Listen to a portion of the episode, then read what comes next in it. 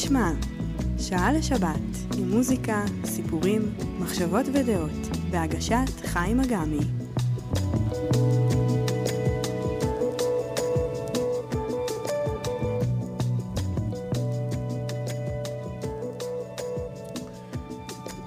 שבת שלום לכם, מאזינות ומאזינים. אתם על רדיו כל הגליל העליון, 105.3 FM. אני חיים אגמי, אתם על התוכנית מי ישמע. אנחנו יוצאים למסע השבועי שלנו, כרגיל עם הסיפור השבועי.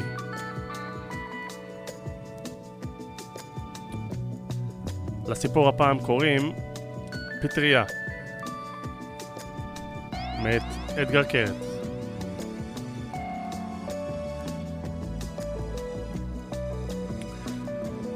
האיש הרזה נפל על רצפת בית הקפה. הבטן שלו כאבה יותר משחשב שבטן יכולה לכאוב בכלל, וסדרה של התכווצויות לא רצוניות הרעידה לו את כל הגוף. ככה זה בטח מרגיש כשהולכים למות, הוא חשב, אבל לא יכול להיות שזה הסוף. אני צעיר מדי, הוא חשב, ומביך מדי למות ככה, במכנסיים קצרים ובכפכפי קרוקס, על רצפה של בית קפה, שפעם היה טרנדי וכבר שנים מתקשה לסחוב. הוא פתח את הפה כדי לצעוק לעזרה, אבל לא היה לו בריאות מספיק אוויר. הסיפור הזה, הוא לא עליו. למלצרית שניגשה אל האיש הרזה קראו גליה. היא אף פעם לא חשבה שתהיה מלצרית. היא תמיד חלמה לעבוד עם ילדים בגיל הרך. אבל בעבודה עם ילדים אין כסף, ובמלצרות יש. לא המון, אבל מספיק בשביל לכסות את השכר דירה, ועוד קצת. השנה היא התחילה ללמוד חינוך מיוחד בבית ברל, ובימים שלמדה היא עבדה בקפה במשמרת ערב. בערב כלב לא נכנס לשם, והיא הרוויחה פחות מחצי ממה שהיא הרוויחה בבקרים, אבל הלימודים היו חשובים לה. אתה בסדר? היא שאלה את האיש על הרצפה. היא ידעה שהוא לא, אבל שאלה בכל זאת. הסיפור הזה הוא גם לא עליה. אני מת, אמר לה האיש, אני מת, תזמיני אמבולנס. אין טעם, זרק לה אחד שחום ושעיר שישב על הבר וקרא בדה מרקר. ייקח שעה עד שהאמבולנס יגיע. בגלל העיצומים במשק הם עובדים היום במתכונת שבת. ותוך כדי שאמר את זה הוא קם והעמיס את הרזה על הגב שלו. אני אקח אותו למיון, הוא אמר. האוטו שלי חונה כאן, בחוץ. הוא עשה את זה כי הוא היה אדם טוב ורצה שהמלצרית תראה את זה. הוא היה גרוש טרי, ומשהו בפלגמטיות של המלצרית הקסים אותו. הוא היה מבוגר ממנה בלפחות עשר שנים, אבל עדיין היה יכול לדמיין את שניהם יחד. הסיפור הזה גם לא עליו. כל הדרך לאיכילוב היו פקקים. הרזה ששכב מאחורה באוטו גנח בקול כמעט בלתי נשמע ורייר לשעיר על הריפוד של האלפא ספורט החדשה. כשהתגרש, החברים של השעיר אמרו לו שהוא חייב להחליף את המיצובישי המשפחתית במשהו אחר, ברכב של רווקים. בחורות לומדות עליך הרבה מהרכב שאתה נוהג בו. מיצובישי אומרת, גרוש הרוס מחפש קלפטה שתירש את מקומה של הכלבה הקודמת. אלפא ספורט, לעומת זאת, נשמעת יותר כמו אדם מגניב וצעיר ברוחו, מחפש הרפתקה. אם כי גם הרזה הזה, שהתעוות לו עכשיו במושב האחורי, היה סוג של הרפתקה. השעיר חשב לעצמו, עכשיו אני כמו אמבולנס. אין לי סירנה, אבל אני יכול לצפור למכוניות אחרות שיפנו את הדרך. אני יכול לעבור צמתים מרומזרים באור אדום, כמו בסרטים. ובזמן שחשב את זה, וסחט את דוושת הגז כמעט עד הסוף, נכנס בו מהצד רכב מסחרי לבן מסוג רנו. הנהג של הרנו היה דתי. הנהג של הרנו לא היה חגור. ההתנגשות הרגה אותו על המקום. הסיפור הזה גם לא עליו. מי היה אשם בהתנגשות? השעיר שהאיץ והתעלם מתמרור עצור? נהג הרכב המסחרי שהיה לו חגור ושגם הוא נסע מעל המהירות המותרת? לתאונה הזאת יש רק השם אחד. למה המצאתי את כל האנשים האלה? למה הרגתי אדם חובש כיפה שלא עשה לי דבר? למה הכאבתי לאיש רזה שבכלל לא קיים? למה חירבתי את התא המשפחתי של גרב שחום, גבר שחום ושעיר? זה שאתה ממציא מישהו עדיין לא פוטר אותך מאחריות עליו. ובניגוד לחיים, שבהם אתה יכול למשוך בכתפיים ולהצביע לשמיים, כאן אין תירוץ. אתה השמיים. אם הגיבור שלך כשל, זה רק בגלל שהכשלת אותו. אם קרה לו משהו רע, זה רק בגלל שאתה רצית ברוע. רצית לצפ... לצפות בו, מתבוסס בדמו. אשתי נכנסת לחדר ושואלת, אתה כותב? היא רוצה לשאול משהו. משהו אחר. אני רואה את זה בפנים שלה, אבל יחד עם זה היא לא רוצה להפריע. היא לא רוצה, אבל כבר הפריעה. אני אומר לה שכן, אבל שזה לא חשוב. שלא מתלבש לי הסיפור. שזה לא סיפור בכלל. זה גירוד. זאת פטריה מתחת לציפורן. היא מהנהנת כאילו היא מבינה על מה אני מדבר. היא לא. זה לא אומר שהיא לא אוהבת אותי. אפשר לאהוב גם בלי להבין. את הסיפור הזה כתב אדגר קרת.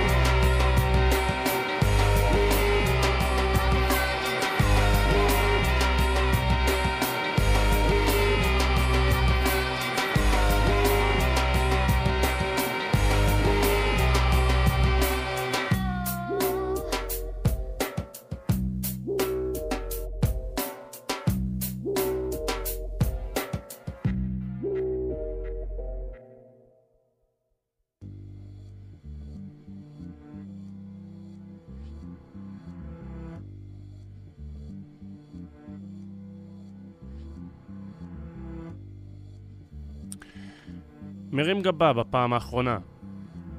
יאיר ניצני. חברים יקרים, זה הזמן להיפרד ולהגיד תודה. זה הטור האחרון של מרים גבה, נכון לעכשיו. ואני מודה לכם על שהתייצבתם לפגישה השבועית שלנו בקביעות. קראתם, הגבתם, לפעמים צחקתם ולפעמים גם כעסתם.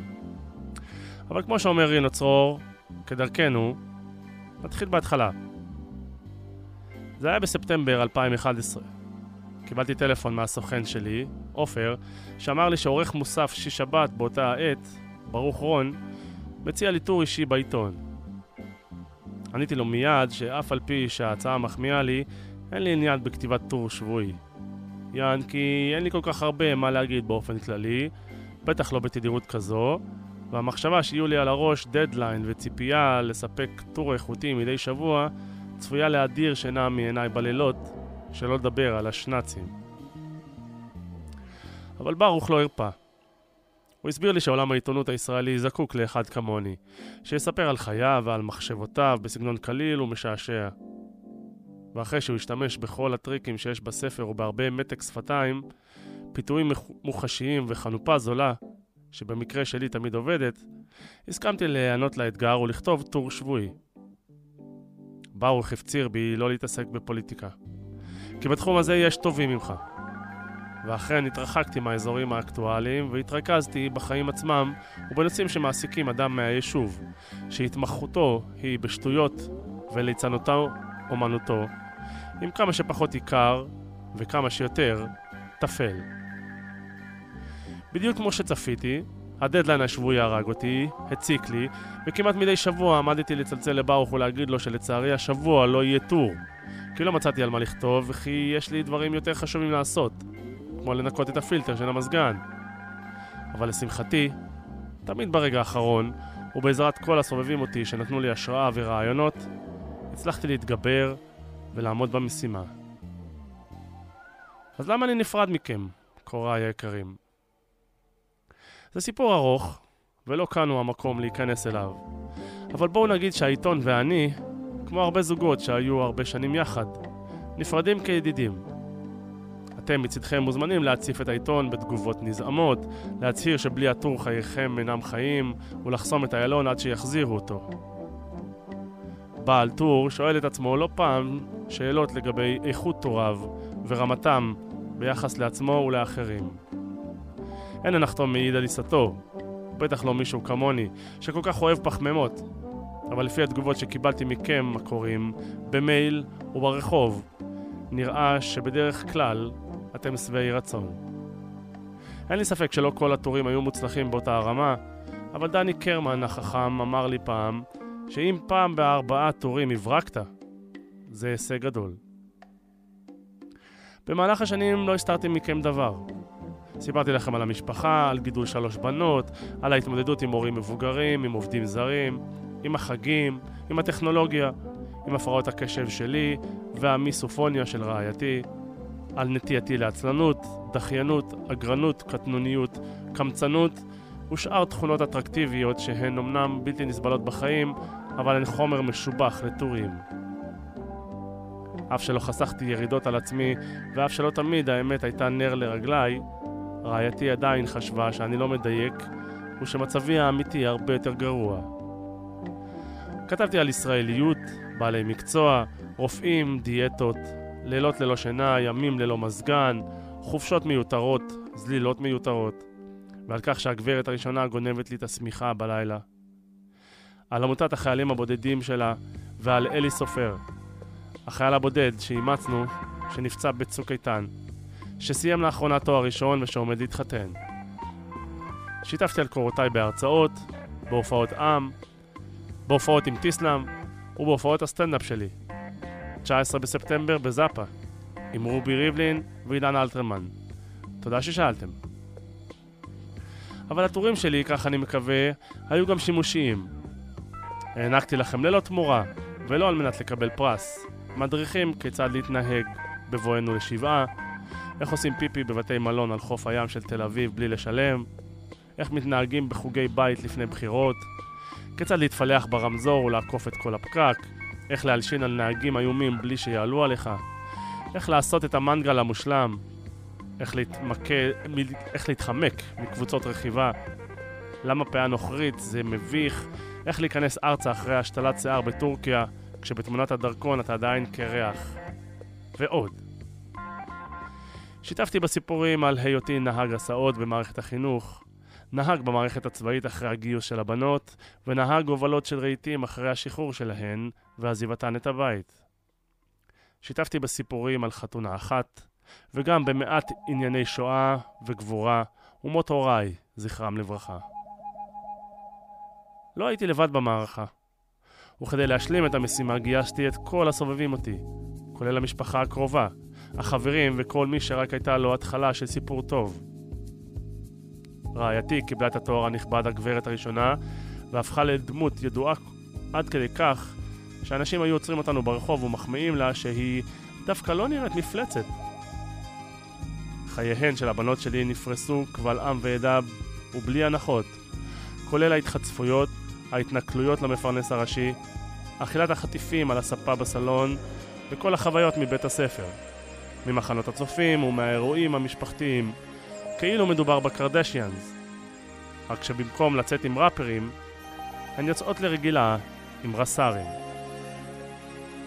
כל הסובבים הבינו די מהר שכל סיפור, חוויה או בדל אנקדוטה מחייהם, גם אם הם לא קשורים אליי בשיט, יכולים למצוא את מקומם בטור שלי. שני יוצרים מעולים בשם ארז אבירם ואסף גפן עזרו לי ותרמו במהלך השנים רעיונות משעשעים. לא עזבו אותי לבד, תרמו פאנצ'ים איכותיים וגרמו לתורים שלי ולי להיראות טוב. גם כשהיה לי מצב רוח על הפנים, וכשהרעיונות שלי היו בנאליים להחריד ומצחיקים כמו מדור מודעות האבל. וכשהתחשק לי, להפסיק לכתוב לנצח. מאחורי כל מוצר טוב עומדת סוללה של מקצוענים, וכדי לשדרג את השטויות שכתבתי, לוהקו יוצרים פנומנליים למלאכת האיור. דני קרמן הנפלא היה הראשון, אחריו הפליא בציוריו טליק לזר, ובשנה האחרונה עובדיה בנישו, המוכשר, אייר וצייר את הטורים. זהו המקום להודות למירי המבורגר, שדאגה שהטור יגיע בזמן, לאורחים טל מרמלשטיין ורז ישראלי, זיכרונו לברכה. וגם לכל אנשי המערכת ולמי שעשו הגהה ודאגו להוציא את העברית הבסיסית, במובן של בסיס שבו משרתים נערי רפול, שלי כמו שצריך, כדי שהבלוף לא יתגלה.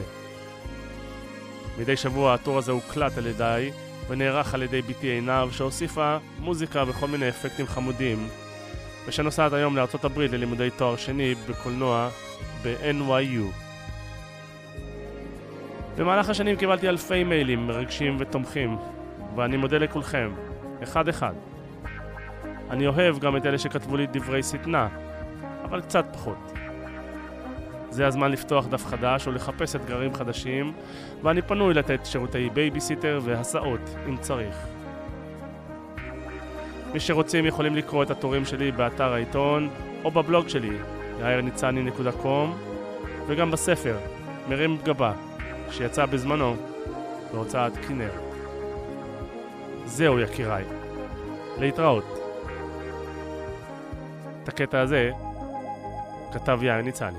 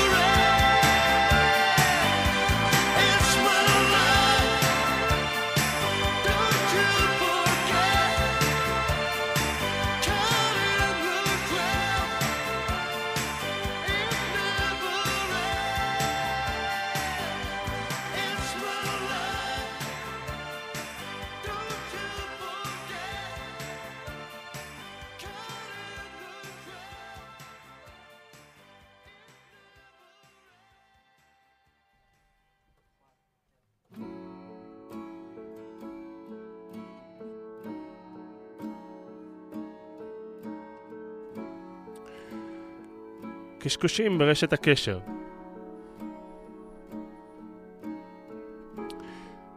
מפצח הצפנים היפני, סאיזו אריסואה, היה מרוצה מאוד מעצמו, ובצדק.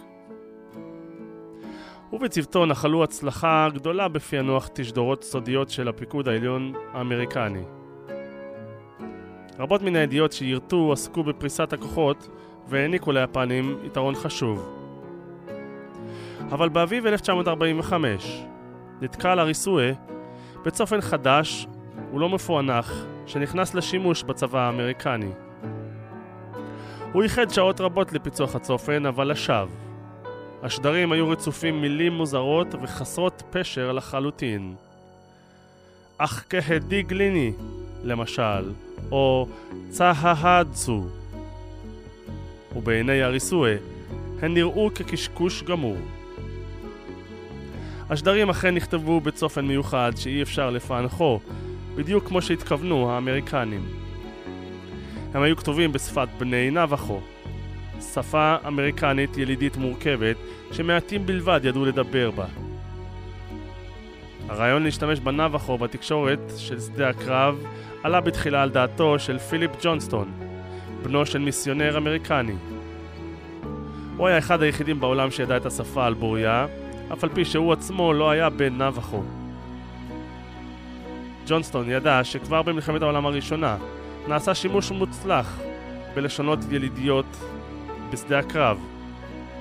הוא אף ידע שהנבחו תציב לפני מפצחי הצפנים היפנים אתגר קשה ביותר. בגלל תחבירה המפותל והניבים הרבים שלה, השפה חסרת פשר לכל מי שאינו מכיר אותה שנים רבות. בפעם הראשונה ניסה צבא ארצות הברית את רעיונו המבריק של ג'ונסטון באביב 1942. הניסוי עלה יפה כל כך, עד שהצבא החל לגייס לשורותיו עוד ועוד דוברי נבחו. הם נדעו בכינוי דוברי צופן, ונועדו למלא תפקיד מכריע במלחמה במזרח הרחוק. אחד מאלה היה סמואל צו, דובר נבחו בן 23, שריכז את התקשורת של חיל הנחתים בקרב על איו ג'ימה. הוא ועוד שישה דוברי צופן שידרו מאות הוראות אסטרטגיות מכריעות בחשיבותן במהלך הקרב על כיבוש האי, שנמשך חודש ימים. הפקודות הועברו כמחרוזת של מילים בלשון נבחו, שלכאורה לא היו קשורות לנעשה בשדה הקרב, שכן מילים כמו מקלע או אוניית מלחמה לא היו קיימות כלל בשפה. כדי להתגבר על הקושי הזה של אוצר המילים, השתמשו צו ואנשיו במילים אחרות בשפת נבחו כדי לייצג מונחים צבאיים. לוויתן ייצגה אוניית מלחמה, דג ברזל היה צוללת, ויונק הדבש היה מטוס קרב. אבל הצופן היה מתוחכם הרבה יותר מזה. אחד מעקרונות היסוד שלו היה שמילים מסוימות, בלשון נבחו, נבחרו לייצג אותיות האלפבית הרומי. במקום האות A למשל, יכלו המצפינים להשתמש בכל אחת מן המילים נמלה, אולאצ'י, תפוח, בלסנה או גרזן, צניל. לכולן היה דבר משותף אחד. כשתורגמו לאנגלית, החלו כולן באות A. צו ואנשי צוותו קיבלו עשרות פקודות מדי יום. כשקיבלו הודעה מוצפנת, היו מתרגמים תחילה את המילים לאנגלית, ואחר כך מצרפים את האותיות הראשונות של כל מילה כדי לפענח את השדר. זאת הסיבה שהיפנים לא הצליחו לפענח את הצופן. מפצחי הצפנים, הצפנים היו חייבים לדעת את תרגומה של כל מילה בנבחו לאנגלית, ומאחר שאין בנמצא מילון נבחו, הם היו חסרי אונים. צוותו של צו העביר מידע בענייני טקטיקה ותנועות כוחות ותקשורת קרבית אחרת. אנשיו היו מיומנים ודייקנים מאוד, ובזמן שהנחתים פילצו את דרכם בלחימה קשה על חופי איו ג'ימה, המוגנים היטב, הוכיחו הצפנים את ערכם וחשיבותם. רב סרן האווארד קונור, קצין הקשר של דיוויזיית הנחתים מספר 5, טען בתוקף שאנשיו של צו אחראים במידה רבה לניצחונם של האמריקנים באיוו ג'ימה. לולא הנבחו לא היו הנחתים כובשים את איוו ג'ימה לעולם. הרעיון שהגה פיליפ ג'ונסטון להשתמש בנבחו התברר כרעיון רב השראה. השימוש בשפה הלא מפוענחת הזאת הציל עשרות אלפי חיילים ממוות.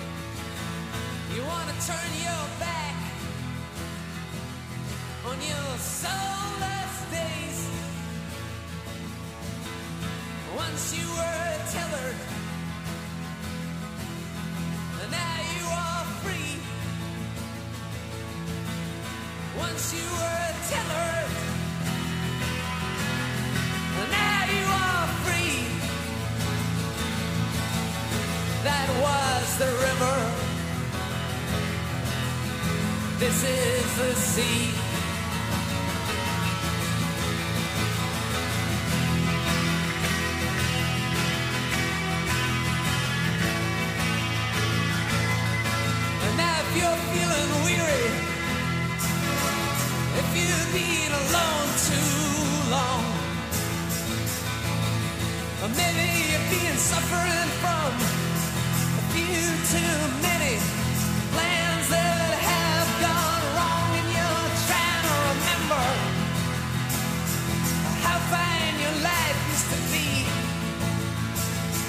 Running around banging your drum like it's 1973. Well, that was the river. This is the sea. Woo!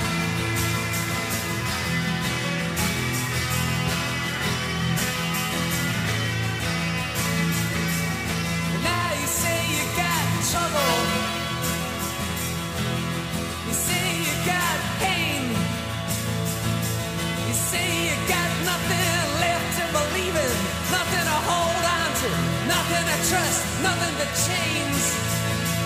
You're being scouring your conscience, raking through your memory. Scouring your conscience, raking through your memory. But that was the river.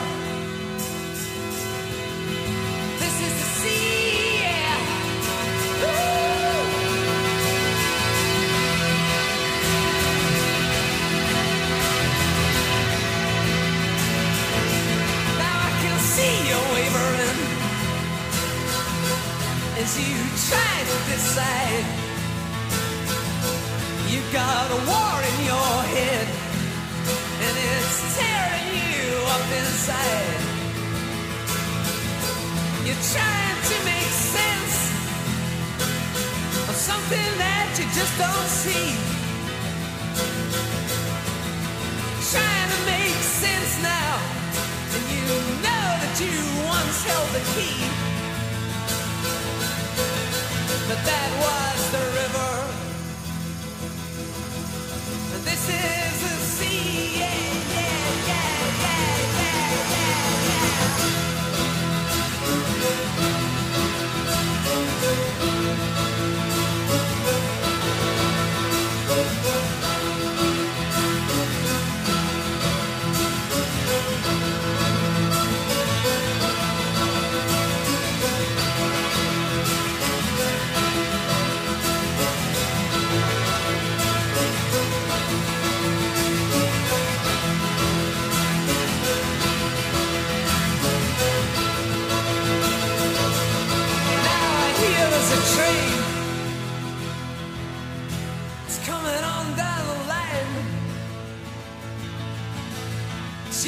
if you hurry, you got still enough time. And you don't need no ticket. And you don't pay no fee. And now you don't need no ticket. You don't pay no fee. Because that was the river.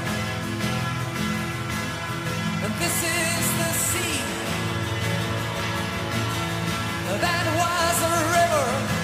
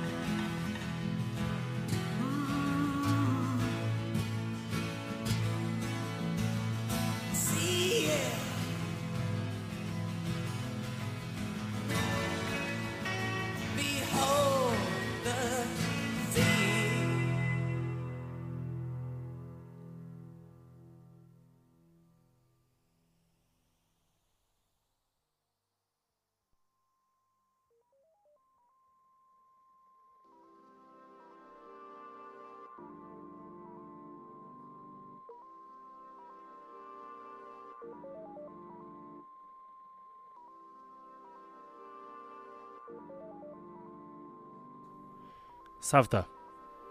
אברי גלעד. שנת הלימודים הנה התחילה. אם לא תפרוץ שביתה. ובניגוד לפעם, עת הייתה שמחה בתחילת השנה, נדמה שהשנה, כמו בכמה השנים האחרונות, יש יותר דאגה סביב האירוע הזה מאשר חדווה של לימוד והתפתחות. אחת הדאגות הכי חמורות היא סביב איכות כוח האדם בגנים ובמעונות, ואין צורך לשוב ולספר את מעשי הזוועות שהתגלו רק השנה. אני לא רואה שמשהו נעשה כדי לפתור את הבעיה הקשה של מטפלות ועוזרות גננות בשכר נמוך, שאינן מתאימות למקצוע ולא באות לעשות עבודה חינוכית, אלא להתפרנס בדוחק. ואין להן כלים, ידע וגם לב כדי לתת לילדים את מה שהם צריכים, שזה בגדול אהבה, סבלנות ותמיכה. מה עושים עד שהמערכות יפעלו, אם זה אי פעם עוד יקרה? הקוראת אלינה אשרק שלחה לי רעיון יפה, שהיא עצמה יישמה בגן לפני שנים. משמרות סבתות וסבים שבאים לשבת בגן בתורנות ולפקוח עין. כמה פשוט, כמה זול, כמה מצוין. כל יום מגיעים לגן סבתא תורנית או סבא ומבלים את כל היום לצד הצוות החינוכי, גם בעזרה קלה וגם בהתבוננות ופיקוח על העבודה המתרחשת בגן. מזה כולם מרוויחים. הסבתא והסבא, שיש להם הזדמנות להיות עם הנכדים לפרק זמן ארוך ומשמעותי ולראות אותם בסביבתם הטבעית. צוות הגן שמקבל תגבור ממבוגרים אחראים, הילד עצמו שמקבל דמות מבוגרת, מתחלפת, שמביאה כל יום צבע אנושי אחר לגן, וההורים שיכולים לישון בשקט. עסקת המאה. נוכחות צוותאית כזאת עדיפה פי אלף על כל מצלמה, שהרי המצלמה לא עוזרת ורק נותנת תחושה של הפרת פרטיות לבאי הגן. ובכלל, תרבות הסרטונים המפלילים היא תרבות רעילה, שלמרבה הצער, השתלטה לנו על החיים בכל גזרותיהם. אבל זאת לא גזירת גורל. כאשר את המצלמה תחליף סבתא של אחד הילדים, כל האווירה בגן תשתנה, והמצלמה היחידה שתידרש היא זאת של הצלם שמגיע בסוף השנה לתמונת מחזור. ומה שעוד טוב בזה, שלא צריך שום תיקון חקיקה, שום ציוד, שום אינטרנט. פשוט להתאגד. הורי גן רקפת והורי פשוש, ולהודיע לגננת שמהיום הראשון יש שתי עיניים נוספות בגן ושתי ידיים לעזרה, ולב נוסף לאהבה. ואם הגננת תתנגד, להוציא את הילד מיד לגן אחר. נסו את זה, וכתבו לי אם זה שינה את כל תחושת הביטחון שלכם בגן. שתהיה שנה נהדרת. את הקטע הזה כתב אברי גלעד.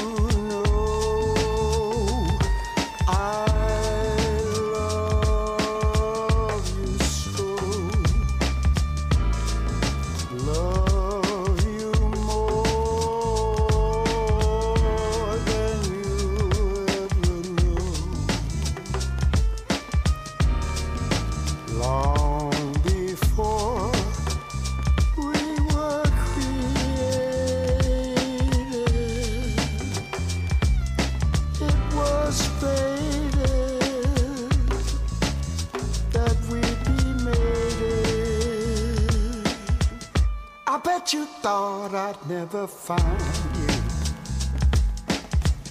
But one fact you forgot to face. So let me hasten to remind you. I wasn't looking for you in the first place.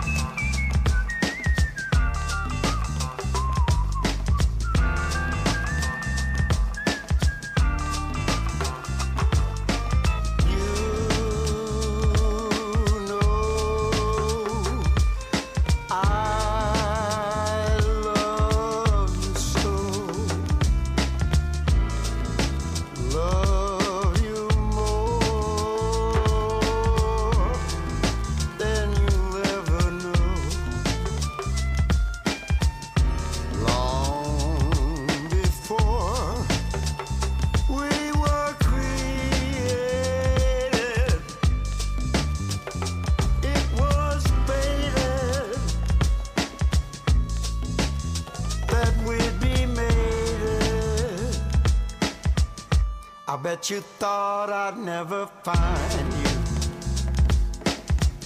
But one fact you forgot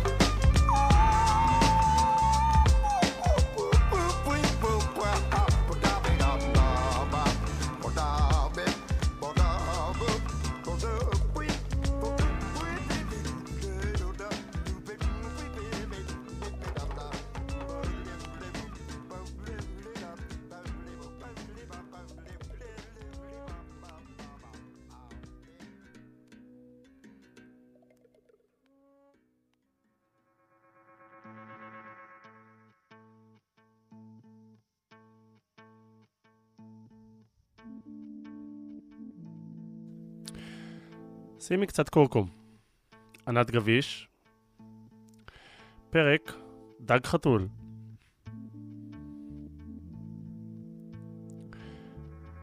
עם הראשון הבחנתי בו. כבד ורופס. הבעה משועשעת על פניו המקומטים ושריון מכוסה ירוקת. אה... התעוררת יפהפייה? אני ממהרת להזדקף.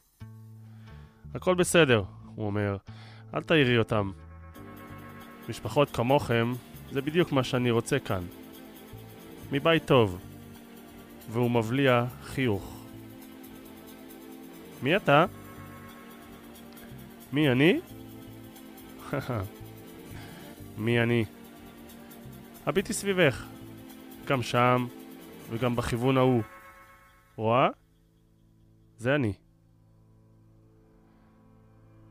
שמת לב שאין כאן גדר? והחול נקי ונוח? הילדים ישנו טוב? כן, תודה.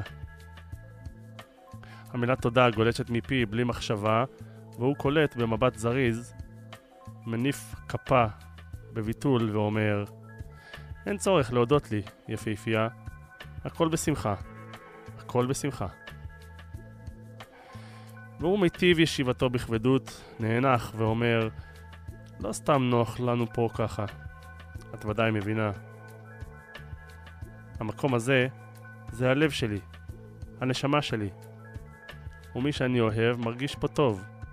כמו שאתם הרגשתם מהרגע שהגעתם לפה, אתמול, בקרניים אחרונות. לא רציתי להפריע לכם, אבל אם יש לך קצת זמן, אולי אני אסביר לך איך זה הולך. הוא מסביר את מה שמכירה כבר ממקומות אחרים. צריך לשלם. כמה פשוט. צריך להביא כסף, או אוכל, או משהו. כדי שנוכל לישון בשלווה ולהרגיש נוח. פשוט. את הקטע הזה כתבה ענת גביש.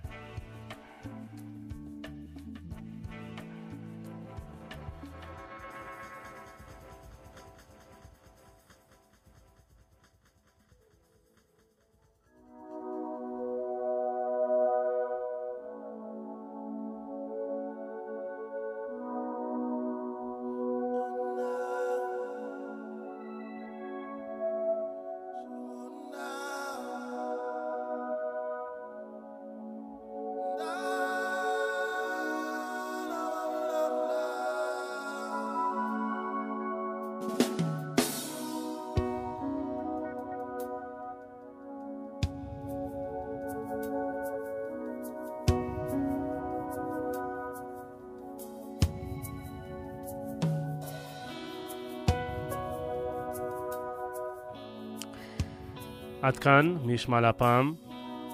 אני מקווה שנהנתם. אני חיים אגמי, מאחל לכם אה, שבת שלום. אנחנו נשתמע פה בין שלוש לארבע שבוע הבא, יום שישי. שתהיה שנת לימודים חדשה ופוריה. נשתמע. שבת שלום.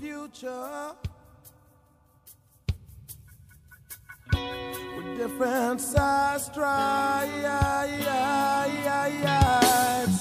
Show me the way to solve your sorrow. And I'll do what I can. Cause we have the experience. If we plan, baby, we can see that close. The way to solve your problems and I'll be there. Show me the way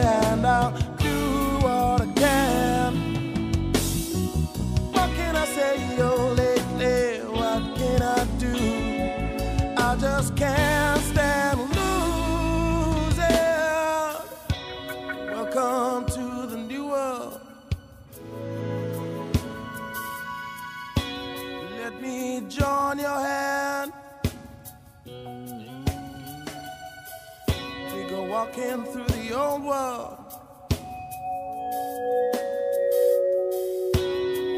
With a brand new plan all over. But God only knows how much I love you.